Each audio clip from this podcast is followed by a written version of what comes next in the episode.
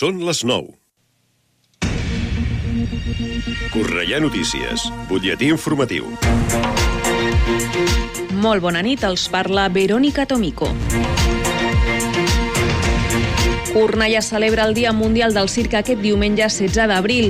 L'Associació Cultural Cana i Circ organitza una matinal d'activitats lúdiques obertes a tota la ciutadania amb l'objectiu de promoure el valor social i cultural del circ. Des de les 10 del matí i fins al migdia, els cornellanencs i cornellanenques podran gaudir a la plaça de Sant Ildefons amb una cercavila, tallers relacionats amb el circ i els malabars, actuacions o també participar a unes Olimpiades, entre d'altres. La cooperativa de cervesa artesana Cornèlia celebra aquest dissabte la seva festa a la plaça de la Sardana, una jornada lúdica i familiar que començarà a les 11 del matí i que s'allargarà fins a aproximadament les 11 de la nit. La ciutadania que s'acosti podrà veure la Fira d'Artesans amb la SAC, participar al taller familiar que organitzen els castellers de Cornellà, gaudir d'exhibicions de circ i de malabars i tot plegat acompanyat de música en directe, d'una fideuà popular i també d'una botifarrada a la tarda. La jornada de recerca de Ciutat 2023 tindrà lloc el dia 20 d'abril al City Lab. Aquest acte té una doble finalitat, donar visibilitat als millors treballs de recerca d'aquest curs i també oferir referents i inspiració als estudiants que estan ara a primer de batxillerat i que comencen amb el seu projecte de recerca. I el programa dels caps de setmana sense cotxes torna aquesta setmana i s'allargarà fins al 28 de maig. Recordem que és el programa d'activitats lúdiques i sostenibles als carrers tallats al trànsit i que promou l'Ajuntament de Cornellà. Durant els caps de setmana, uns 16 trams de carrers tallen la circulació de vehicles per facilitar el trànsit rodat a la ciutat i donar prioritat als vianants, facilitant més espais per fer activitats lúdiques. La majoria es tanquen durant tot el cap de setmana, és a dir, dissabtes i diumenges de 9 del matí a 9 del vespre, encara que en algun cas la restricció es limita només al diumenge. Fins aquí aquest butlletí informatiu. Poden seguir informats de l'actualitat de la nostra ciutat al Cornellà Notícies de la una del migdia, als butlletins horaris i a l'app i la web de Ràdio Cornellà. També trobaran les darreres actualitzacions i notícies al radiocornellà.cat i a les xarxes socials de la ràdio, Twitter, Facebook i Instagram. Ara el temps. Connectem amb l'Agència Estatal de Meteorologia.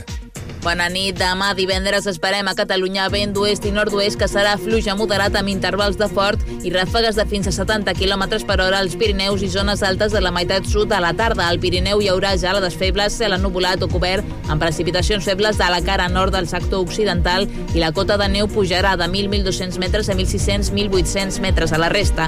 Intervals de núvols mitjans i alts més abundants durant les hores centrals pujaran les temperatures arribant a 22 graus a Lleida, 21 a Tarragona i 20 graus a Barcelona i també a Girona. És una informació de l'Agència Estatal de Meteorologia. L'informació de Cornellà. Més a prop, impossible. Ràdio Cornellà, 104.6 FM. Gaudeix de Ràdio Cornellà quan vulguis al teu mòbil, tauleta o ordinador. Entra a radiocornellà.cat i se t'obrirà un enllaç per instal·lar al teu dispositiu l'aplicació de Ràdio Cornellà. D'aquesta manera la tindràs sempre actualitzada. Podràs escoltar la ràdio en directe, descarregar i compartir els teus programes favorits, accedir a les notícies de la ciutat i molt més. I ara amb la millor qualitat de so. Ràdio Cornellà, sempre al teu costat. Sintonitzes Ràdio Cornellà. Bon vespre, són les 9 i un dijous més comença Atrapats en la Cultura.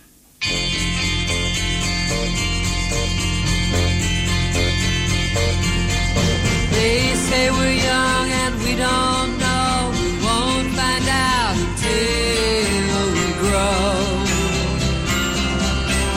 Per amb ell Murray, tots els dies era la mateixa cançoneta. Estava atrapat en el temps. Per nosaltres, tots els dies també són iguals. Amb ell el salvava l'Andy McDowell. I a nosaltres, qui ens salvarà? La cultura, els llibres, el cinema, les sèries, l'art, l'oci, la gastronomia. Feu-nos cas i sentiu-vos atrapats amb la cultura. Amb la Cristina Guarro i el seu equip. I guess that's so we don't have a plot. but at least I'm sure of all the things we got. Babe, I got you, babe. I got you, babe. I got flowers in the spring. I got you to wear my ring.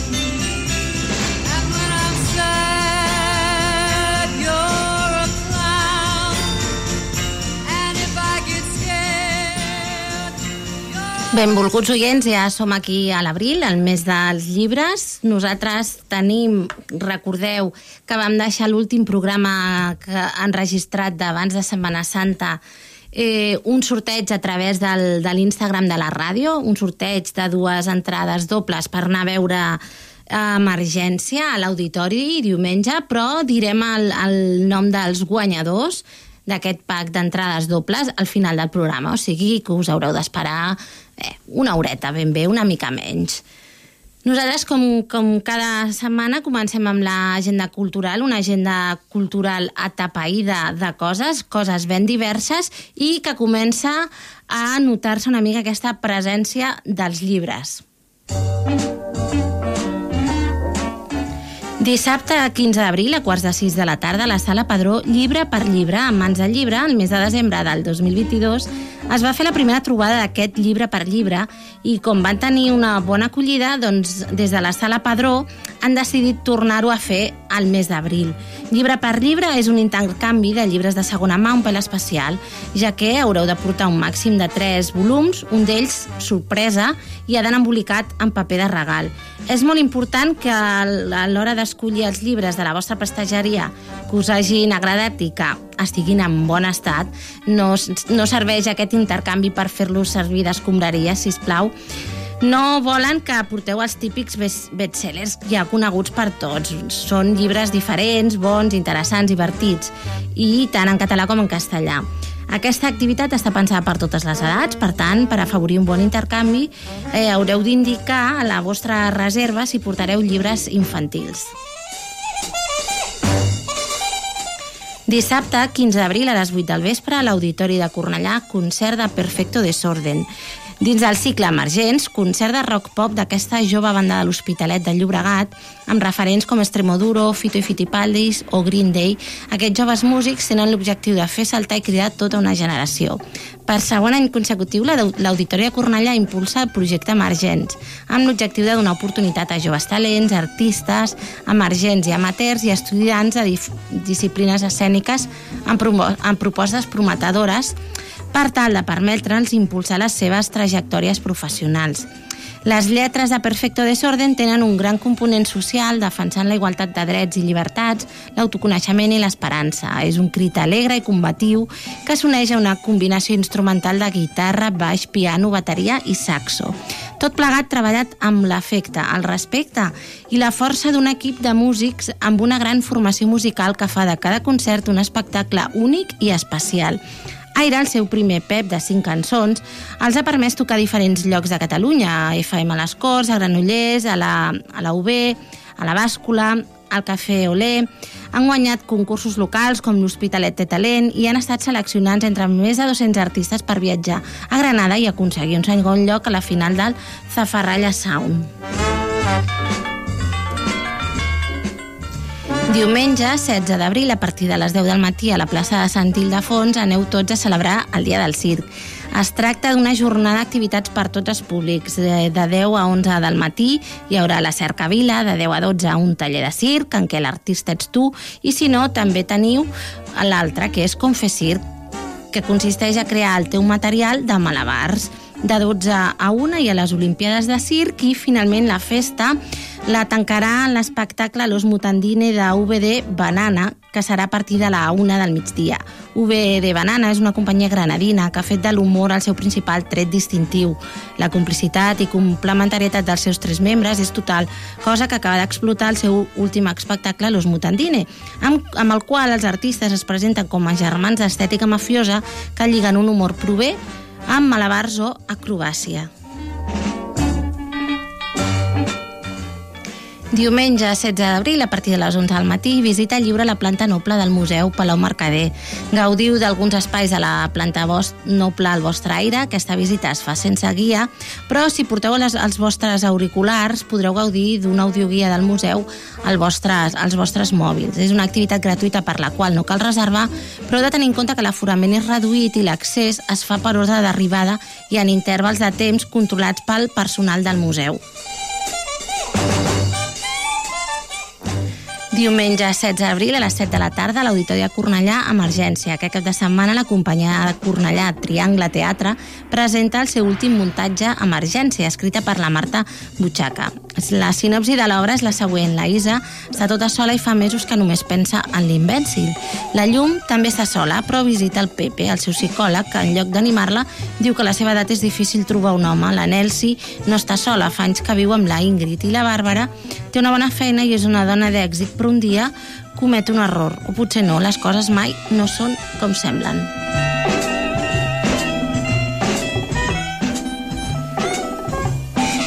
Diumenge 16 d'abril a les 6 de la tarda a la Sala Padró, a mi no em diguis amor.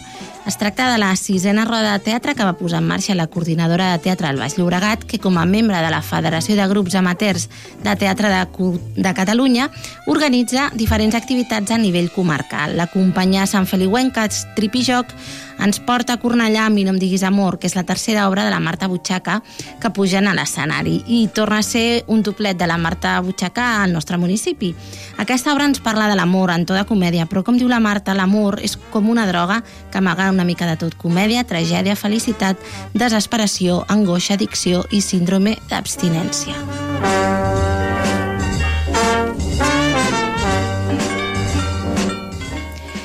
Dimarts 18 d'abril a les 7 de la tarda al Castell, presentació literària, acte de presentació del llibre Recuerdos con Historia volumen 2 de l'agrupació de veterans de la Unió Esportiva Cornellà.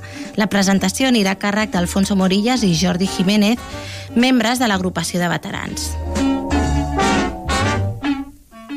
Dimecres, 19 d'abril, a les 6 de la tarda, a la Biblioteca Marta Mata, Bèsties perfumades, un conte explicat per l'Anna Casals, adreçat a infants a partir de 3 anys, és la nova proposta del Bada Contes. Diu la dita que no hi ha mal any si l'abril és bo.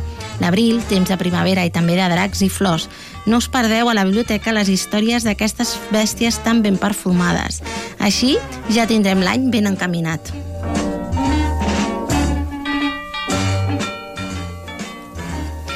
Dijous 20 d'abril a les 5 de la tarda al Centre Cultural Joan García Nieto la conferència Modernes i en Guerra, dones artistes entre la Segona República i l'exili. La dècada de 1930 és una època plena d'avançaments i reculades en la situació de les dones a Espanya. Com es manifesta la situació política del país a través de l'obra de les artistes dones del moment, farem un petit recorregut artístic partint de la modernitat de la Segona República i arribant a les dones que continuen treballant des de l'exili. I ho farem de la mà de Maruja Mayo, Manuela Ballester, Lola Anglada, Maria Freser o Ángeles Santos.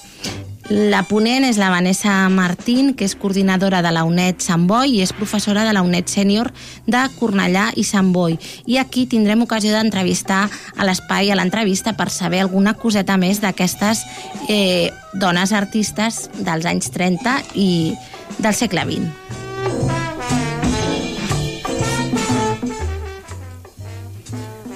Dijous 20 d'abril, a partir de quarts de 6 de la tarda, a la Sala Padró i Pucant les Troianes. Taller de creació artística per dones conduïda, conduït perdó, per la- l'actriu Xènia Rawan. El taller es es desenvoluparà al llarg de dues sessions, dijous 20 i dijous 27 d'abril. El teatre grec té un impuls ancestral que demanda l'absoluta comunicació entre el personatge i el grup. El teatre grec és tremendament actual, o poder som nosaltres els que no ens hem actualitzat en absolut. Les Troianes d'Eurípides és una obra en la qual les protagonistes són les dones, presoners de guerra en un món patriarcal i masculí. A través d'alguns dels seus textos jugarem, investigarem i crearem una petita peça improvisada en què la veu principal s'anirà passant d'unes a altres per poder experimentar aquestes grans passions i reflexions que el tràgic grec ens convida a exterioritzar. Llums i ombres humanes. Què necessiteu per venir a aquest taller? Haver llegit les troianes prèviament, escollir dues frases com a mínim del text i ganes de convertir. I una, una petita frase sobre la Xènia mm, que diu que és una enamorada de les tècniques vocals interpretatives, a qui agrada investigar i sobretot que gaudeix molt ajuntant-se amb grups professionals o no per crear des del que pugui sorgir amb un material determinat. Ha estudiat dansa, veu, interpretació, és docent, actriu, guionista, és la directora de Xacapum, musical del Terrat, va estudiar Humanitats i Disseny Gràfic i dedicar gran part del seu temps a continuar indagant a tot allò relacionat amb el fet artístic. Dijous 20 d'abril a les 7 de la tarda a la Biblioteca Central presentació de La Divina Júlia, la irreversible ley del destino de Frank J. Conde. Heus aquí la dramàtica història de Júlia Caesaris, també anomenada Júlia Augustus, filla única del déu Octavi August, emperador de Roma. Júlia, la dona més vella i poderosa que hagi existit mai, mai a Roma, dona que durant la seva vida va passar a ser divinitzada, a ser degradada i exiliada per ramera. Si la seva melanconia es mos mou a la compassió, escolteu les vivències de la seva infància, els seus amors amb Marcelo, Tiberi, Ovidi, les seves festes a Roma, el seu viatge a Orient, el seu desterrament a Regium i sempre omnipresent August, el seu pare. Júlia és la romàntica contraposició de la vida marcada pel destí immutable, les bombolles i els vicis de la seva edat i la ferma convicció d'un designi diví.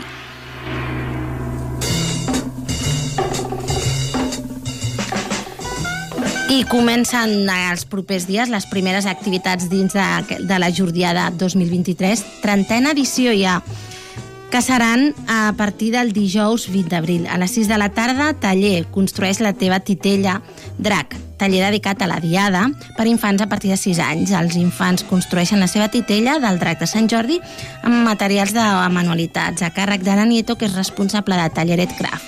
Les inscripcions les trobareu al web de les biblioteques i aquesta activitat es durà a terme a la Biblioteca Teresa Pàmies. Després, a les 7 de la tarda, jordiada a peu de carrers. És una cercavila popular amb les entitats de la Comissió de la Jordiada. L'inici del recorregut serà al Parc de la Rosa Sensat i arribarà fins al Castell de Cornellà. I per últim, a les 8 del vespre, acte de presentació d'aquesta Jordiada 2023. El pregó anirà a càrrec del grup de pintors de Cornellà amb motiu del seu 25è aniversari. Es recordarà Salvador Montell i Pigarnau, president de la Jordiada durant 20 anys.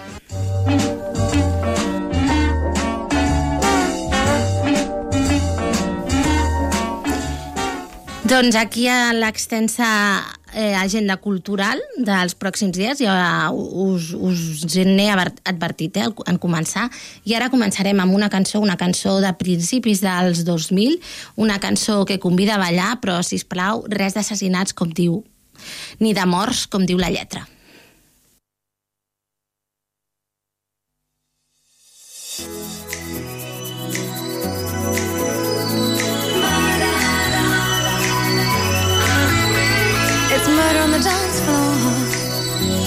You better not kill the groove, DJ. Gonna burn this goddamn house right down. Four, three, two, one. Oh, I know, I know, I know, I know, I know, I know, I know about your kind. And so and so and so and so and so and so and so. I'll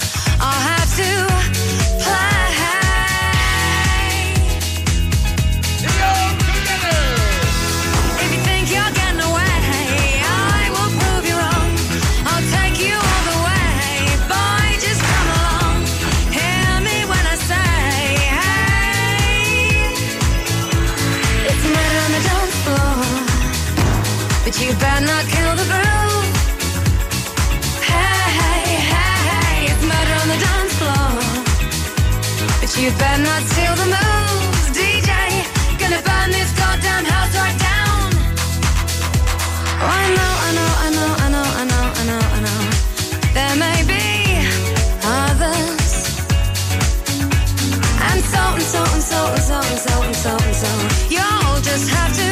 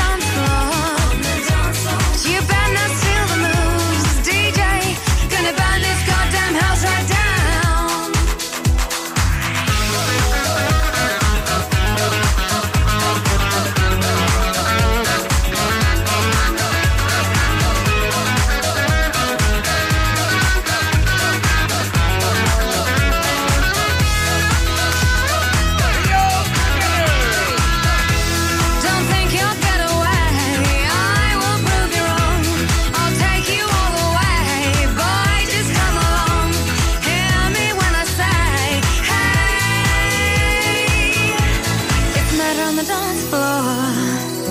But you better not kill the groove. It's murder on the dance floor. But you better not steal the moves,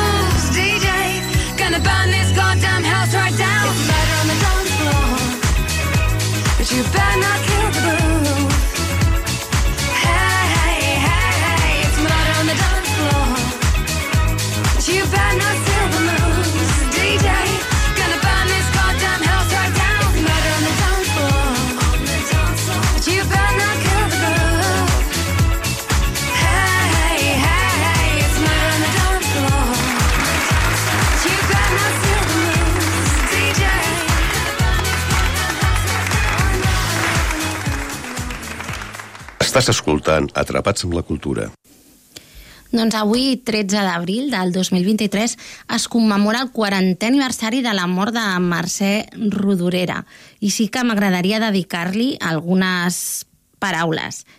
Jo crec, eh, per mi, com a lectora, la primera obra seva va, va ser l'home, aquella que comença amb l'amor em fa fàstic, que no podria ser més eh, expressiu. L'home és, una, és una de les primeres obres novel·les que, que va escriure.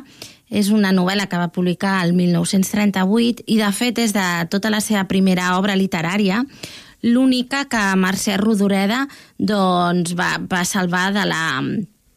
Va, va salvar. Vull dir, de fet, és, és l'única que va acabar eh, publicant després. Sí que és cert que quan es va tornar a publicar de nou, eh, l'obra, eh, la Mercè Rodoreda n'havia fet una força, diguem-ne, transformació o n'havia canviat força, força coses. Després, eh, clar, tenim la seva obra emblemàtica, com és la, la plaça del Diamant, aquest personatge, la, la Colometa, el nom autèntic de la qual és, és eh, Natàlia, Natàlia, que de fet és una de les protagonistes d'aquesta nissaga també literària barcelonina de la Montserrat Roig, Natàlia.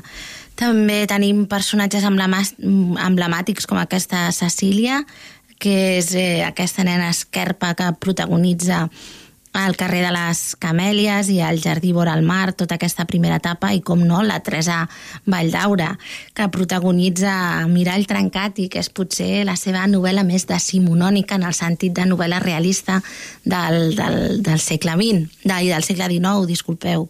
Tota aquesta primera part, no?, que, que és com, com una narrativa molt, molt realista, Després, en les seves obres dels últims anys, aquesta tancada amb aquesta La mort al primavera, que de fet es va publicar pòstumament, és ja un altre tipus de, de narració, més, més, més oníric, més amb els, amb els somnis i a la seva, les, els seus diferents antologies de relats com el Viatges i Flors, també hi ha aquest Quanta, quanta, quanta guerra, i és una, bé, és una autora de les més traduïdes de la literatura catalana. De fet, és un dels pocs escriptors catalans als quals Harold Bloom eh, introdueix o col·loca dins del seu cànon occidental, o sigui que això ja vol dir que va traspassar fronteres. Nosaltres ara continuem parlant de dones, però com us he dit, farem l'entrevista a la, a la Vanessa Martín, que és la ponent d'una xerrada molt interessant que es farà el proper dijous 20 d'abril a les 5 de la tarda a la biblioteca i a veure què, què ens explica d'aquestes dones modernes dels anys 30 i que la seva obra va començar en aquelles dècades primeres i que va continuar fins acabat el segle XX. And I'm feeling good.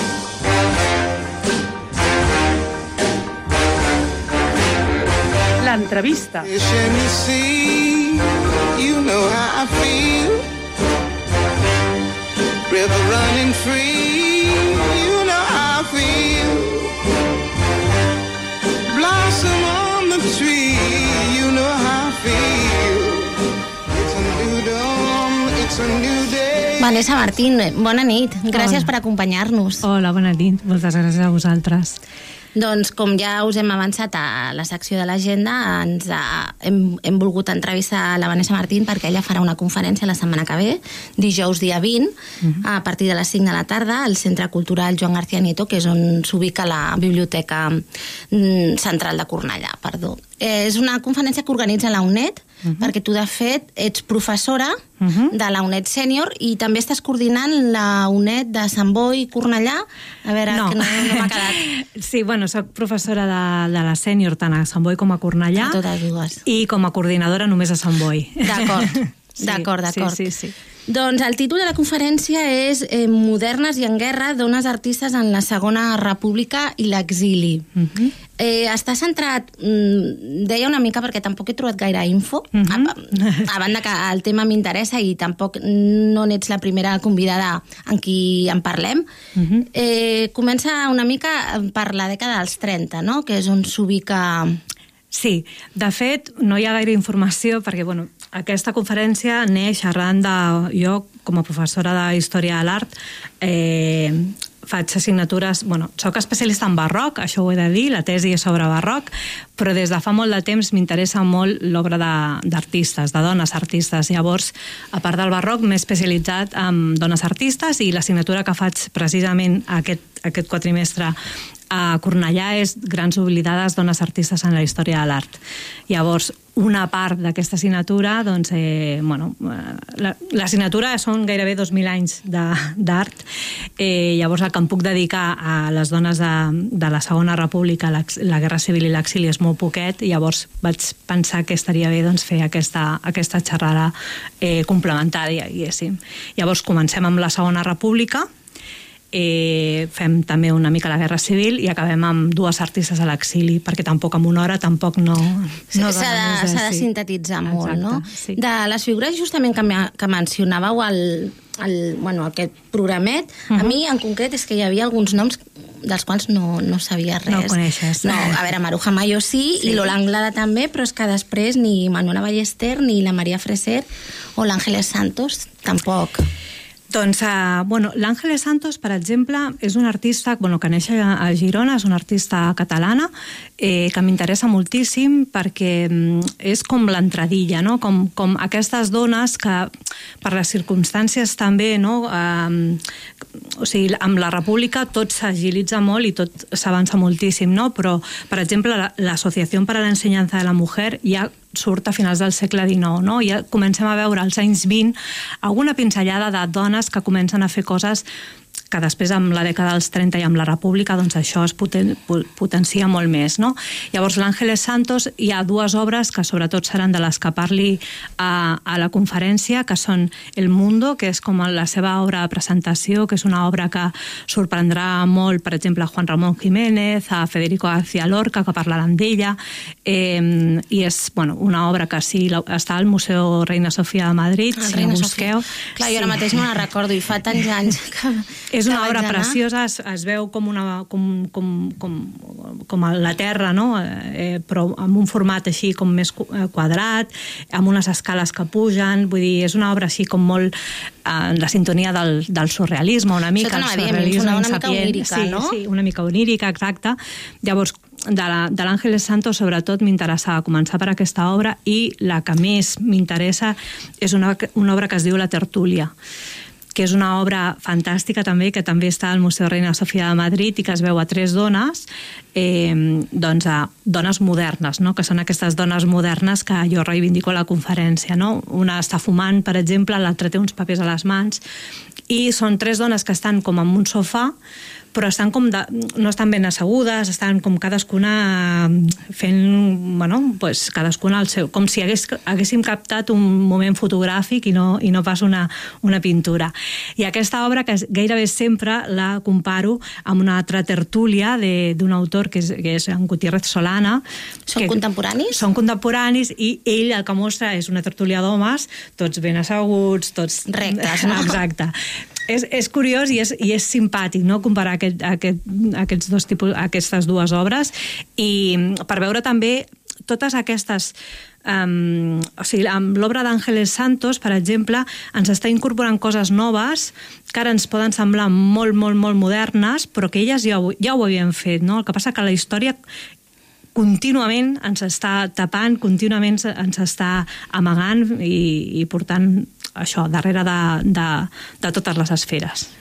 Bé, és que en, en el cas de les dones espanyoles, clar, o sigui, als anys 30 se situen una mica a l'avantguarda d'Europa perquè realment la República va fer lleis eh, molt innovadores uh -huh. socialment uh -huh. i que, clar, és que després del 39 la que no se'n va a l'exili, o sigui, acaba tancada a casa. I ara em ve el cap, per exemple, Maria Moliner, uh -huh. que va fer el seu diccionari en Exacte. solitari a la cuina de casa. Exacte, totes aquestes dones que estan fent... O sigui, de fet, eh, les dones artistes, potser ara les artistes plàstiques són menys conegudes, però ja des de la faceta literària ja es va donar molta empenta, per exemple, a totes les dones Ernestina de Champurcín, Carmen Conde, Maria Zambrano com a filòsofa, etc que són totes aquestes dones que formen part de la generació del, 20, del 27, no? la generació del 27, i que ara doncs, també sumem a la Maruja Mayo, que Maruja Mayo, per sort, ja és una de les més conegudes, i, i a totes aquestes dones artistes que ja estan començant a fer coses molt interessants i que després la guerra això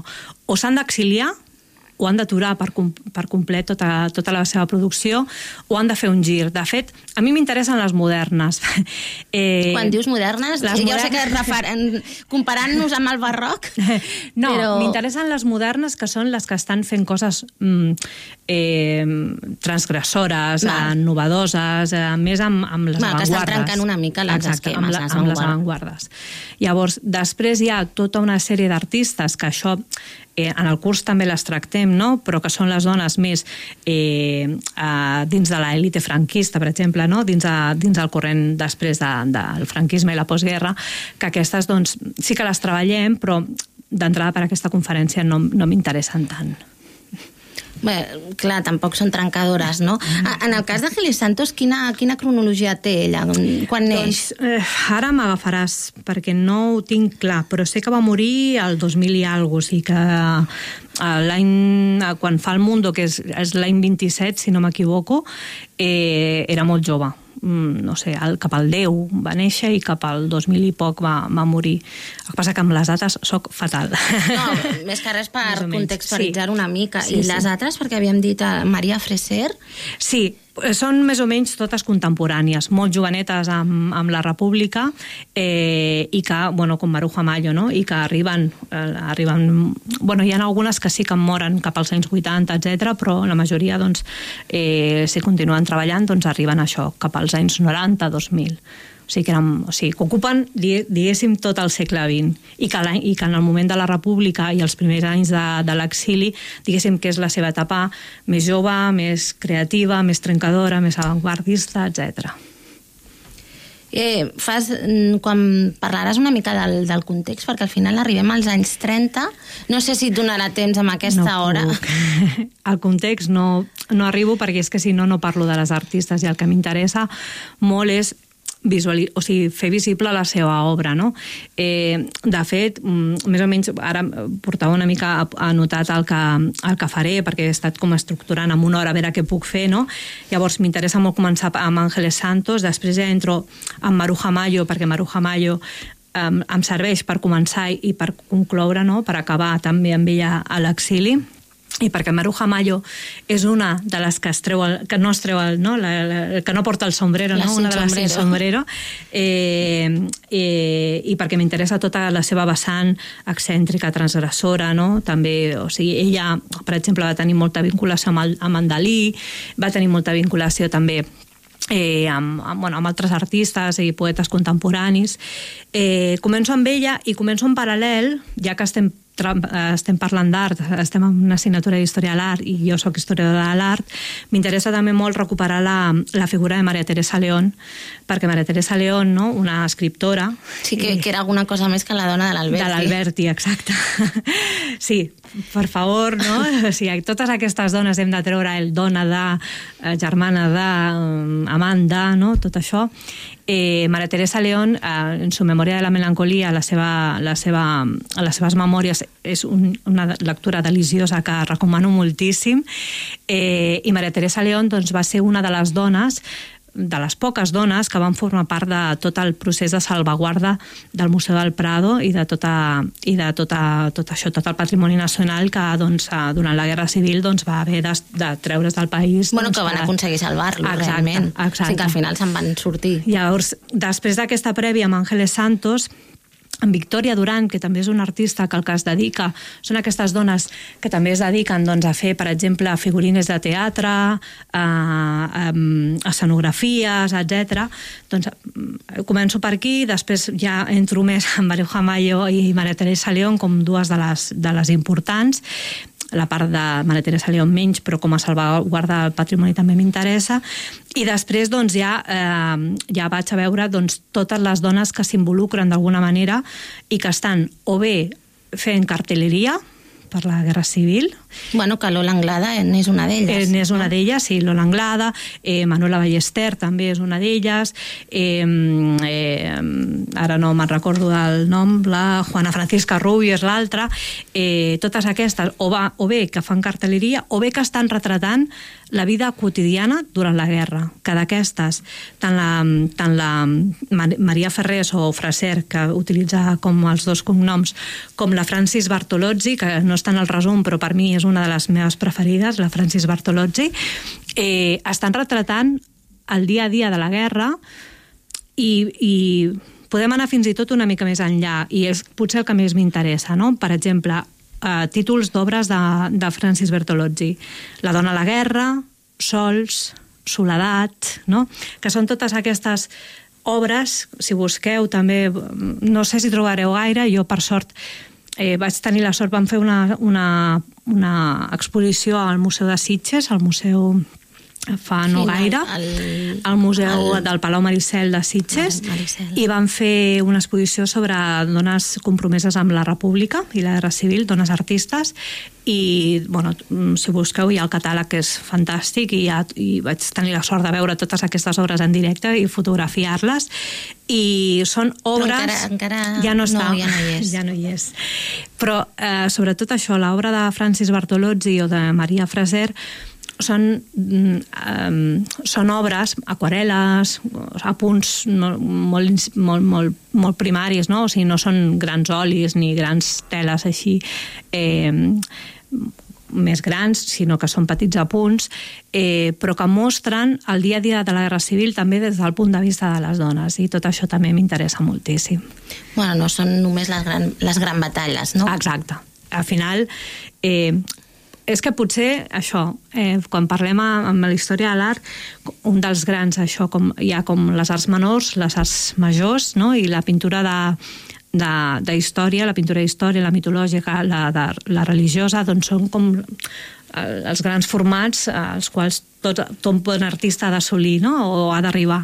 O de fer-ne algun, com a exacte. mínim, durant la seva trajectòria. Eh, tot això, bueno, ara s'està revisant molt, no? Mm. I potser ara, amb aquesta revisió que fem els historiadors de l'art, doncs ens interessa potser més anar a veure eh, aquesta sensibilitat i sobretot aquest, aquesta realitat no gran, de les grans batalles, sinó què passava amb la gent que es quedava a casa, què passava amb les dones que, sabien, que que havien al de final, cuidar. potser per, per un historiador és més interessant aquest punt de vista que no pas el que passava durant els regnats o les decisions polítiques que prenien els Jo governants. trobo que abans això no... És que, clar, abans això ni s'ho plantejaven. Era la guerra, com havia passat la guerra, com qui governava, quin eren, quins, quin, quines eren les elites de poder, no? Ara sí, ara els historiadors de l'art eh, anem a veure què ha passat amb la, amb la gent de corrent, no? La, amb la gent del carrer. I aquestes dones ens estan mostrant eh, tota aquesta, aquesta realitat del dia a dia durant la Guerra Civil i serveix molt per, per, per fer-nos una idea del patiment. No? Hi ha una obra també, ara no me recordo si és de la Maria a Fraser o de, de la Francis Bartolozzi que es diu eh, La cua del pa. No? no? Aquestes, amb la quarti, segurament que portaven la cartilla de razonamiento, la cua del pa, etc. No? Doncs aquestes, aquestes artistes m'interessen moltíssim per tot això. I després, una de, la, de, les, de les que mm, he afegit també, tot i que mm, és fotògrafa, però m'interessa molt la, la seva vinculació, sobretot amb Picasso, perquè Picasso, justament aquest any estem amb l'any Picasso i s'està qüestionant molt la revisió de, mm, no tant de l'artista, sinó de la persona, en relació amb les dones. Eh, he afegit a la conferència la Dora Mar, he afegit a la conferència la Dona, a la Dona Mar primer, perquè és una de les grans fotògrafes del surrealisme i en els anys 30 està fent molta obra també vinculada a, a Barcelona, perquè té unes fotografies que no es coneixen tant. Bueno, va haver una retrospectiva farà cosa potser 4 o 5 anys al De- Benac, no? Sí, sí, sí, sí, sí, sí, sí. I la Dora Mar retrata, per exemple, a la Boqueria, el mercat de la Boqueria, el dia a dia del mercat dels carrers de Barcelona als anys 30, i això m'interessava afegir-ho també. I, I després la Dora Mar és, és la- l'artista que retrata el dia a dia del Guernica, quan l'està pintant Picasso, no? Llavors, El mm, procés de creació. El procés de creació, llavors eh, m'interessava també incorporar-la. I en una hora no sé si tindré temps de fer tot això, perquè vull que sigui una conferència molt visual, que la gent vegi molta obra i que se'n vagin amb la sensació de bueno, de que mm, al final que estem fent a la UNED estem fent cursos superinteressants i que, i que, i que tinguin ganes de, de conèixer més no? a totes aquestes dones artistes que jo amb un curs eh, gairebé no em dóna temps de, de fer tanta... Com, tanta... com hi has arribat a aquestes obres? O a, a conèixer aquestes artistes? O simplement és que tu estàs en un procés de recerca i Sí. has anat trobant-les... sí, jo em vaig especialitzar en barroc perquè jo, de fet, jo vaig acabar la carrera el 2001, o sigui, ja fa uns quants anys. Llavors, eh, jo, quan jo vaig estudiar la carrera, les dones artistes no estaven en el programa universitari, vull dir, no, no hi eren. No, no vaig estudiar ni una, crec, ni una Ni sofonissa. Ni sofonisme, ni artemisia, ni, ni cap, no. Eh, llavors jo em vaig especialitzar en barroc, m'agrada molt el barroc, és, és com, eh, per exemple, dins de, del món de les dones artistes, les del barroc m'interessen moltíssim, però cap a l'any 2012-2013, aproximadament ja fa 10 anys, vaig pensar, ostres, mm, he fet història de l'art, m'interessa molt tot el tema del feminisme, m'interessa molt la perspectiva de gènere, m'interessa molt eh, tot, el que, tot el tema de les dones, i jo no és que, jo les coneixia de nom, però jo no sé què, què han fet aquestes dones. I llavors vaig començar en paral·lel una recerca per veure què havia passat. No? El primer que em vaig trobar és que hi ha una dona, una, la, la que considerem que és la nostra referent de les historiadores de l'art, que és la Linda Nochlin. La Linda Nochlin l'any 71 fa l'article a, partir del qual comencem aquesta eh, història de l'art en perspectiva de gènere, perquè ella es va preguntar en un article on són les dones en la història de l'art, per què no hi ha hagut dones artistes en la història de l'art, no? i a partir d'aquí doncs, comença a tirar del fil i arriba a unes conclusions molt interessants.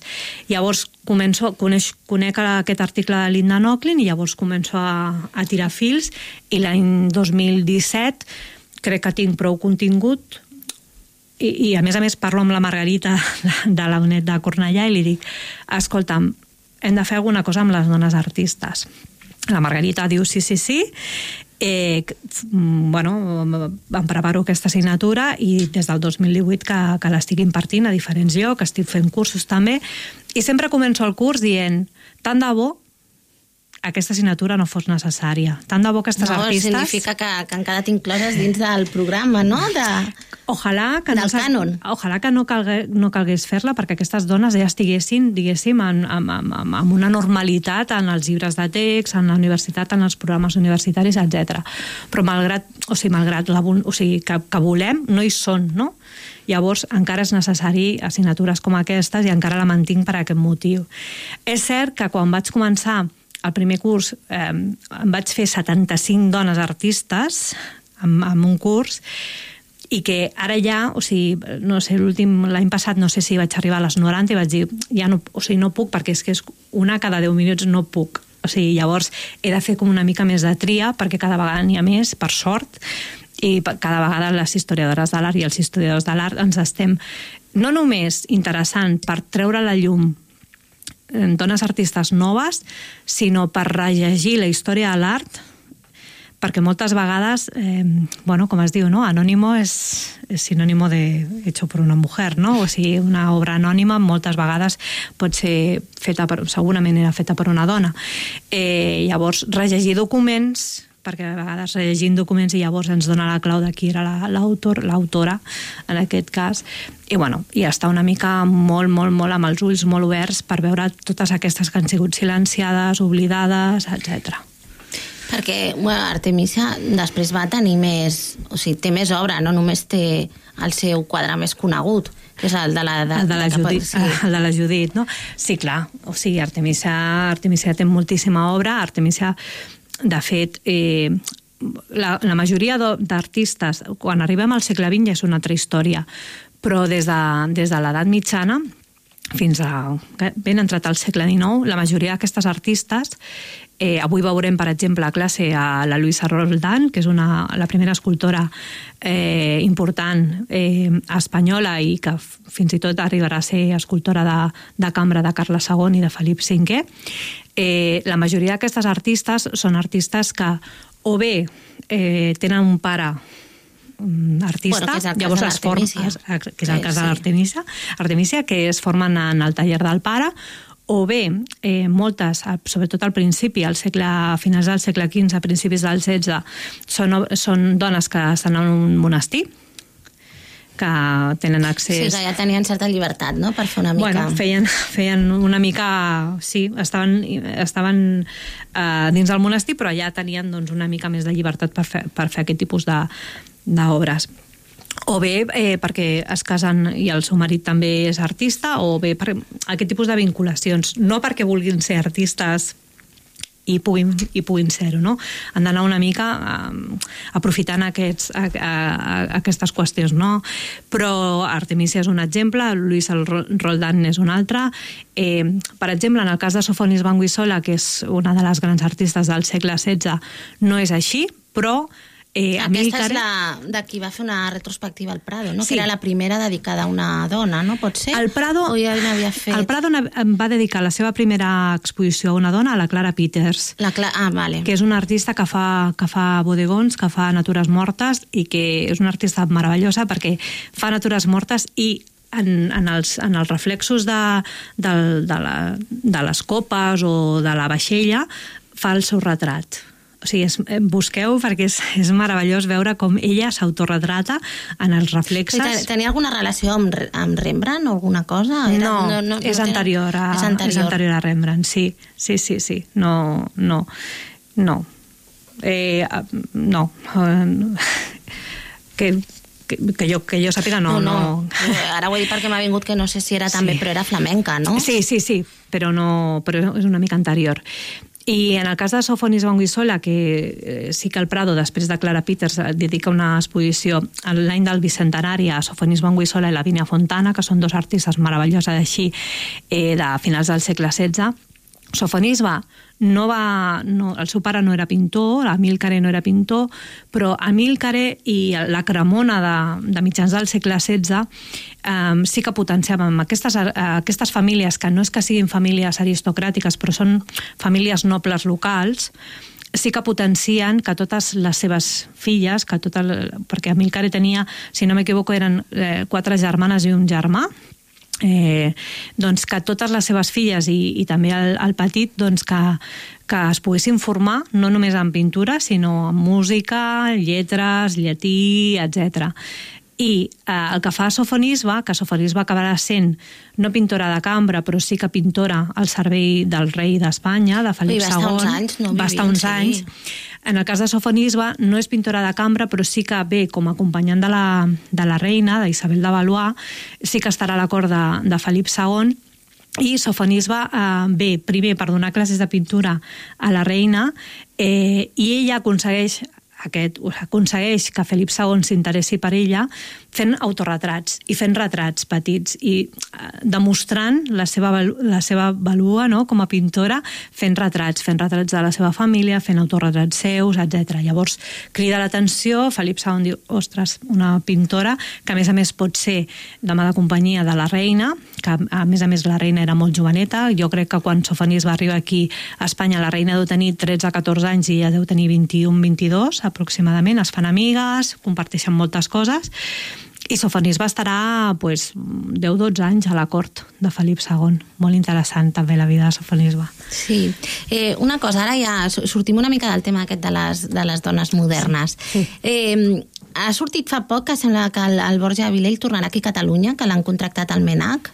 I, Oh, sí? sí, no he entès ben bé el càrrec perquè no, no en serà el director, que continua sent el... El Pepe- el Pepe això, ara Serra. em- El Serra, no em sortia Sí. el cognom. El Pepe Serra. Sí. La idea és que parlen de realment obrir i fer del MENAC el Gran Museu Nacional. Mm -hmm.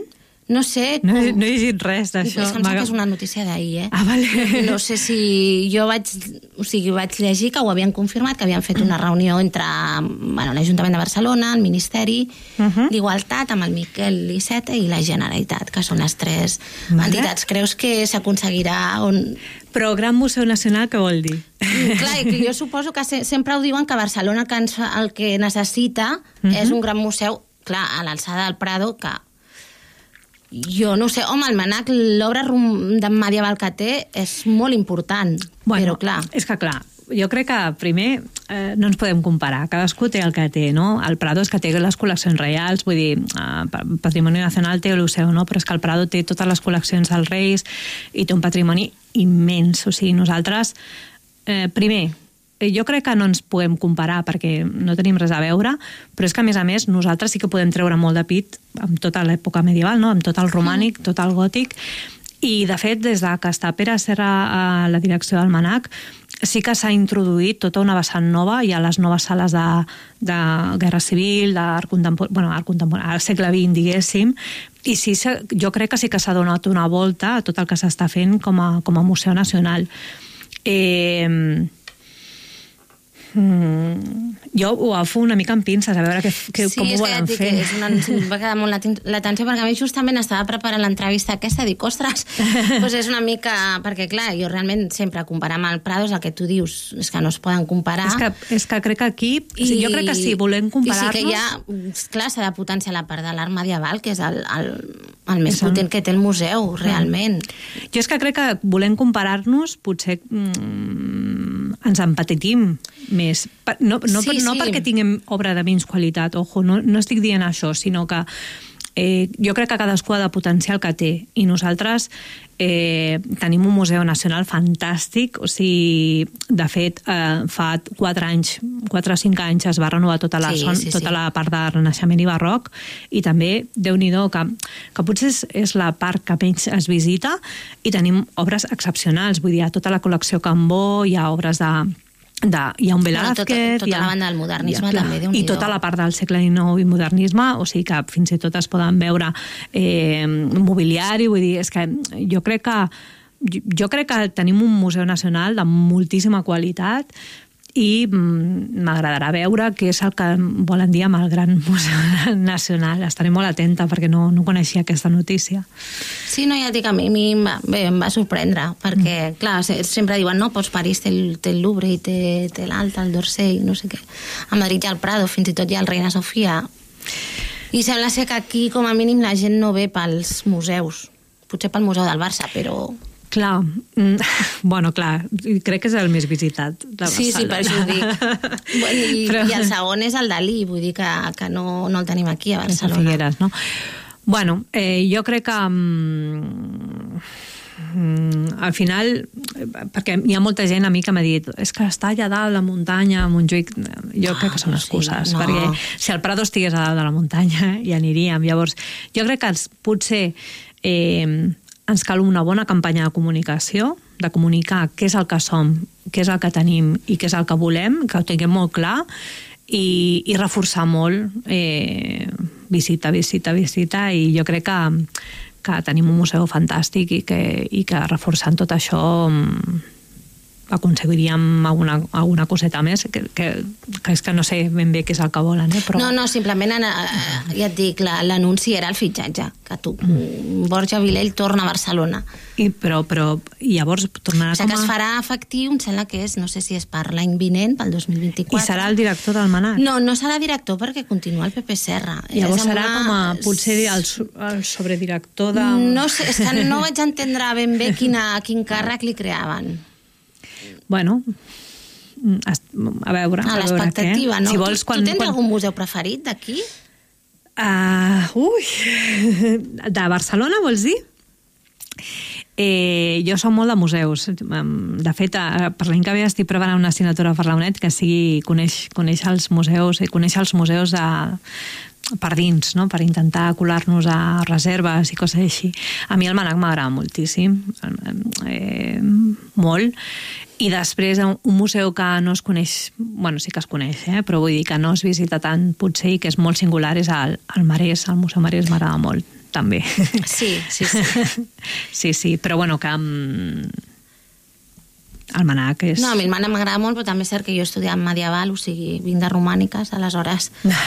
I el modernisme a mi, Ramon Casas, m'agrada molt. Uh -huh. I després ara el Menac està fent tota la banda que tu has mencionat, la banda de fotografia i tota la Mhm. recuperació de l'arxiu fotogràfic a través Sí. d'exposicions temporals, Sí, que ara, són una meravella. ara hi ha una, per cert, si em permets, que, que la recomano molt, que és de la Mei Rahola, una fotògrafa, que també la cito aquí a, a, la, a la conferència, perquè la Mei Rahola té unes fotografies, quan parlo dels cartells, els cartells eh, a, a la República també recupera uns, hi ha uns cartells fets precisament per la, per la mai me'n recordo el seu nom i és el més fàcil, la Juana Mm. Francisca Rubio.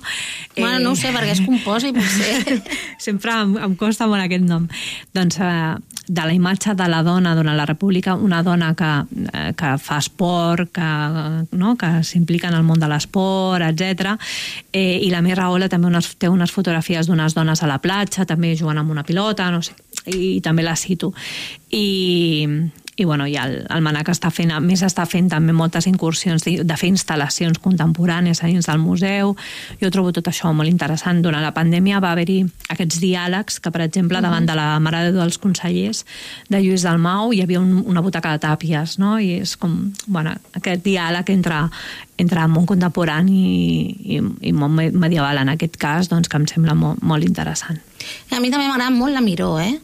La Miró. Trobo que les exposicions temporals Miró, que fan sí. estan superbé. La Miró, doncs mira, la Miró eh, a mi m'agrada molt, fan unes exposicions interessantíssimes també, eh, però trobo que és que la, el problema de la Miró, eh, potser aquí sí, és que, és que encara està més... O sigui, Més- el, sí, el, encara- el encara Manac- més en retirada, sí. Al Manac arribes i dius, mira, Mira, és és via allà, directa, no? és allà. Fes totes les escales li- i vinga, sí. A la gent li costa més anar a la Miró, tot i que al final és agafar un bus i Sí, et deixa a la el porta. més fàcil és anar en bus. Mm. Doncs, Vanessa, moltíssimes gràcies per haver-nos acompanyat. Jo ja veig que podríem estar-nos aquí Sí. encara molta si estona vols, més, quan però... sapiguem de què va això del museu, tornem a casa. Ah, sí, sí, sí, tant. Jo, jo quan, quan vulguis t'hi torno a convidar, vull dir, Sí. sí. aquí serà sempre benvinguda. Moltíssimes gràcies. Gràcies a vosaltres. Queda't atrapat amb la cultura. Vinga, que Paulo Conte ja ens convida a fer via via, però abans hem de mencionar el nom de les dues guanyadores del sorteig d'emergència d'aquestes dues entrades dobles.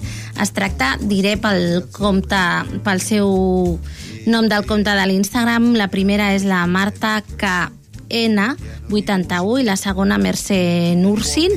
Enhorabona a totes dues. Eh, el perfil de la ràdio us contactarà i ja, ja us dirà com us fan l'enviament de les entrades. Apa, a, a gaudir-ne de, de l'espectacle. Nosaltres tornem la setmana que ve amb un especial sobre llibres perquè ja Sant Jordi és imminent. Chibum dati du di du, chibum chibum dati du di du. Via, via, vieni via con me. Entra in questo amore buio, non perderti per niente al mondo. Via, via, non perderti per niente al mondo. Lo spettacolo d'arte varia di uno innamorato di te. It's wonderful, it's wonderful, it's wonderful. Good luck, my baby, it's wonderful, it's wonderful, it's wonderful.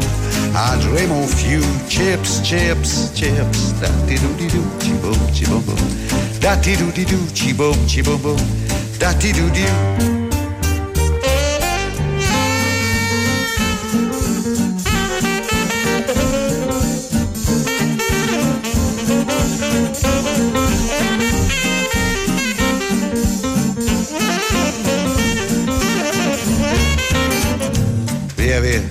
vieni via con me. Eh, Entra in questo amore buio, pieno di uomini. Via, via.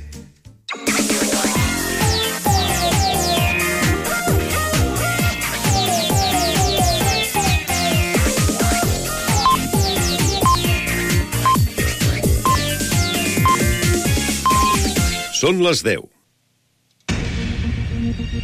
Correia Notícies, butlletí informatiu. Molt bon